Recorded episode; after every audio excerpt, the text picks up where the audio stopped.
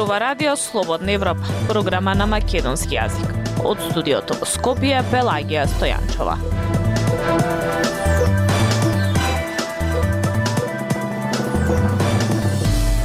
Во политиката ништо не е готово додека се не е готово, вели професорот по уставно право и политички систем Александар Спасиновски. Тој во интервју за Радио Слободна Европа вели дека има неколку сценарија за тоа дали има можност уставните измени да бидат донесени во овој парламентарен состав.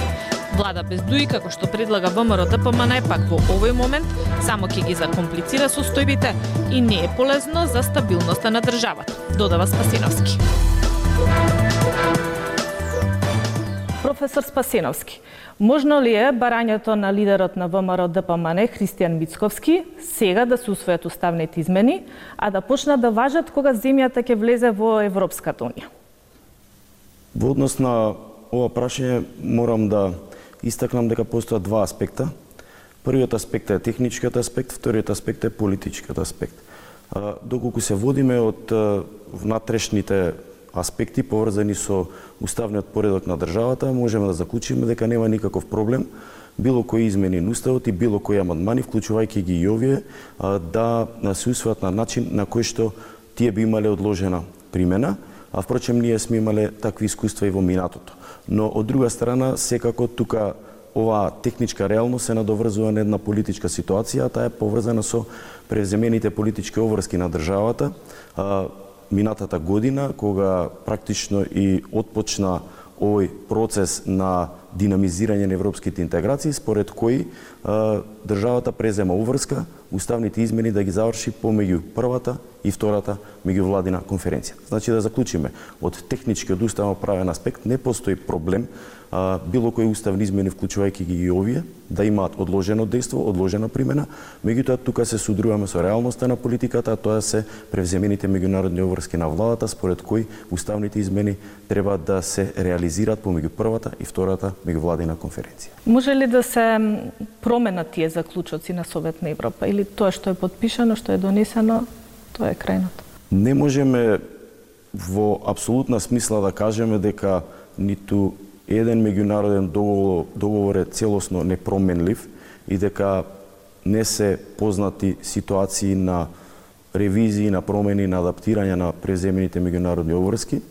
Меѓутоа, следејќи ја реалноста на меѓународната политика и партикуларната сила на државата во која што ние живееме на Република Македонија, морам да кажам дека мали се шансите, мала е известноста дека а, оваа држава, политичките елити, политичките партии имаат капацитет да променат политичка одлука на Европската Унија. Какво искуството до сега кога се менувале, кога се носеле уставни измени?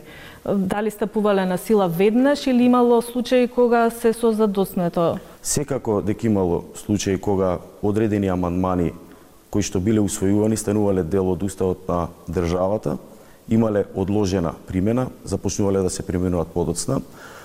Согласно нашиот уставно-правен систем, тоа се прави со Уставниот закон за спроведување на Уставот. Најсвеж пример ни е примерот од 2019 година со склучувањето на Преспанскиот договор, кога за дел од амандманите кои што беа усвоени во таа прилика беше предвидено одложено дејство или период во кој што ќе бидат а, направени промените или тие ќе стапат во сила. Професоре, според вас, кои се сценаријата за да се усвојат уставни измени во овој парламентарен состав? Во оваа смисла постојат од политичка гледна точка две сценарија. Едното сценарио би било поумерено сценарио и тоа би било на линија на еден, би рекол, на една согласност, доколку се изнајде согласност врз основа на ставовите кои што ги имаат власта и опозицијата и обезбедување на одреден консензус за реализирање на уставните измени, бидејќи како што знаете, владата во овој момент, владачките партии во овој момент без поддршката на ВМРО ДПМН немаат двотретинско мнозинство, што значи дека не можат да ги реализираат уставните измени. И во оваа смисла, доколку ова сценарио пропадне, постојат уште две други сценарија, Првото, следното сценарио е доколку власта се одлучи наместо да разговара со опозицијата заради неможност да се постигне консензус, да примени така наречена би рекол преспанска методологија во која што наместо со лидерите на партиите или со лидерот на опозицијата ќе разговара со поединечни пратеници во обидот на тој начин да обезбеди 80 пратеници што во секој случај представува многу малку помалку известно сценарио и се разбира третото сценарио е овие уставни измени да пропаднат, да се оди на гласање и да се констатира дека нема мнозинство или владата да го прекине процесот на уставни измени како резултат на, да речеме, очигледниот факт дека не е успеано да се обезбеди двотретинско мнозинство за почеток и за завршување на постапката за измена на уставот на државата. И што е сега поверојатно да се донесат уставни измени па да има избори или обратно избори па уставни измени? Во овој момент сметам дека е многу неблагодарно да се прогнозира што е поверојатно, заради тоа што не можеме да го предвидиме текот на настаните. Меѓутоа, како што знаете, во политиката ништо не е готово додека се не е готово.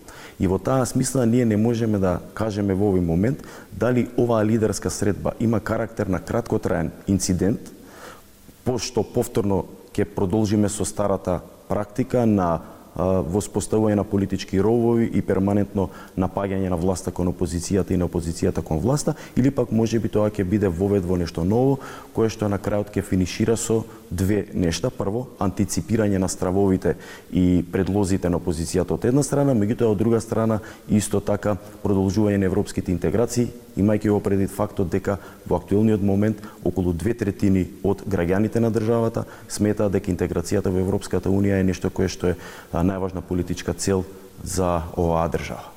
Кои се предизвиците ако не ги усвоиме ти уставни измени? Евроамбасадорот Дейвид Гир рече дека ако ја пропуштиме шансата сега, некои други земји ќе искористат и ќе се интегрираат пред нас. Неусвојувањето на уставните измени во светло на реакциите на политичките лидери од Европската Унија отвара една перспектива на, на проблематичен период за државата, во кој треба да се даде одговор на прашањето што со европските интеграции, што со модернизацијата на државата во услови на а, застој во интеграциите на Република Македонија во Европската Унија. Под предпоставка да ги усвоиме, да започнат преговорите. Може ли да запнем уште на стартот владење на права, ако ги земеме предвид критиките и на домашна јавност и на меѓународна, особено за правосудството? Секако, почетокот на преговорите на државата за членство во Европската Унија ниту оддалеку не значи дека тој пат ќе биде лесен и едноставен, особено во однос на два дела. Првиот дел се внатрешните структурни проблеми на државата, поврзани со владењето на правото, со борбата против корупцијата и модернизацијата на системот во секоја од поглавјата во таа смисла. Меѓутоа, од друга страна, исто така, имајќи во предвид фактот што е главната кочница заради која и во моментот не се одвиваат европските интеграции со забрзаната динамика, а тоа е билатералниот проблем со, Евро... со Република Бугарија, исто така предизвик за оваа држава ќе биде и а, евентуално новите барања кои што би доаѓале во таа смисла како резултат на а, реализирањето, да речеме, на заложбите за промена на уставот преку интегрирање на бугарите во уставно правниот систем на државата. Имавме интервју с ние со холандскиот амбасадор, вели нема да има нови барања. Зошто мислите дека би можела Бугарија? Станува збор за ситуација во која што а, Република Бугарија добива можност во секоја од поглавјата да се обиде да, реализи, да ги реализира своите партикуларни политички интереси поврзани со статусот, со местото и со улогата на оваа етничка заедница која што живее во Република Македонија. Доколку барањата се на линија на европските стандарди, од аспект на човекови права и слободи, од аспект на недискриминација, од аспект на а, други работи поврзани со правични соодветна застапеност и целосно интегрирање на системот а, во таа смисла, не би требало да има проблеми. Меѓутоа, ние знаеме дека во политиката не е се идеално и дека реализмот во меѓународните односи често пати доминира над овој идеализам кој што сега го проектираме и во таа смисла имајќи го во предвид минатото искуство на државата и минатото искуство на други држави, сметам дека е малку поизвестна опцијата дека ќе имаме и нови ситуации во кои што ќе се прави обид за зголемување на реалното и на символичното присуство и влијание на Република Бугарија врз состојбите во Република Македонија. Се вратиме на лидерската средба. Беше предложена да, широка влада во која нема да биде ДУИ, кој се е трет политич, трета политичка сила во парламентот. Што би добиле ВМРО на овој начин? Ако се земе предвид дека и според досегашниот закон за техничка влада 100 дена пред избори тие добиваат пет места во, во владата. Две министерски и три заменик министерски места. Предпоставам дека станува збор за политичка стратегија на опозицијата како резултат од една подолготрајна борба, политичка борба со политичката партија која што вие споменавте, а за која постои перцепција дека е една од партиите која најдолго е дел од власта во државата. Дали е тоа можно со оглед на тоа според досегашниот коалиционен договор за за сегашната влада за Самадуи треба да има и премиер Албанец 100 дена пред да се организираат избори. Ние до сега ги бараме и ги наоѓаме причините за ваквата позиција на ВМРО да ДПМН. Друго е прашањето околу известноста, околу реалноста, околу изводливоста на оваа политичка идеја и друго е исто така прашањето дали таа ќе ги поедностави или ќе ги комплицира дополнително политичките прилики во државата. Доколку јас се прашувам, сметам дека во услови на сериозни политички предизвици, каква што впрочем е евентуалната блокада, евентуалниот застој на европските интеграции или лошите билатерални односи со Бугарија или променетата геополитика. Сметам дека најмалку што е потребно на оваа држава е дополнително комплицирање на приликите и со нов внатрешно политички проблем како резултат на исклучување на една политичка партија, важна политичка партија од учество во власта во државата. А, така што а, од аспект на поводите за А барањата на ВМРО ДПМН за исклучување на ДУИ можеме да најдеме причини. Меѓутоа, од аспект на тоа дали ваквото решение придонесува или одмага, мојот заклучок е дека тоа не е полезно за стабилноста, стабилноста за државата, на, на државата и за евентуално надминување, полесно надминување, подобро надминување на политичките предизвици со кои што се соочуваме во моментот. Има ли време до крајот на годината, ако се оди во, во добар ред, да се донесат? Собранието на Република Македонија е во постојано заседание. Тоа значи дека пратениците, доколку така налагаат обврските, немаат правни пречки да работат во текот на целата година, дури и во текот на летните месеци, особено во текот на август, кој што важи за месец во кој што собранието не работи и да работат на реализација на одредени реформи. Во случајот на измена на уставот доколку има таков договор или има состојба во која што постои двотретинско мнозинство.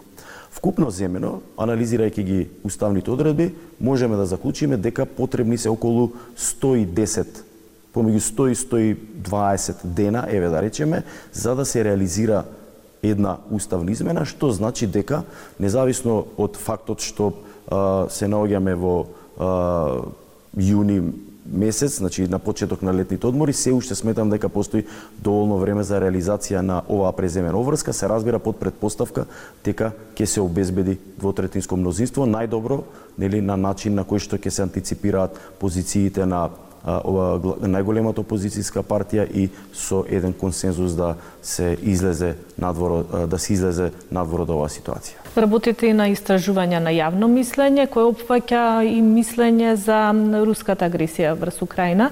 Што покажуваат најновите бројки? Можеме да заклучиме дека апсолутно мнозинство, значи 56% од граѓаните, ја осудува руската воена агресија врз Украина, што споредено со минатата година, со истражувањето кој што го правевме минатата година, забележлив е раст во оваа осуда од 3,3%. Значи, вкупно земено, можеме да заклучиме дека апсолутно мнозинство од граѓаните а, има негативен однос, ја осудува, не ја одобрува руската воена агресија врз Украина. Тоа беше се во неделното интервју на Радио Слободна Европа. Од студиото во Скопје со вас беа Пелаја Стојанчова и Диан Балаловски. До слушање.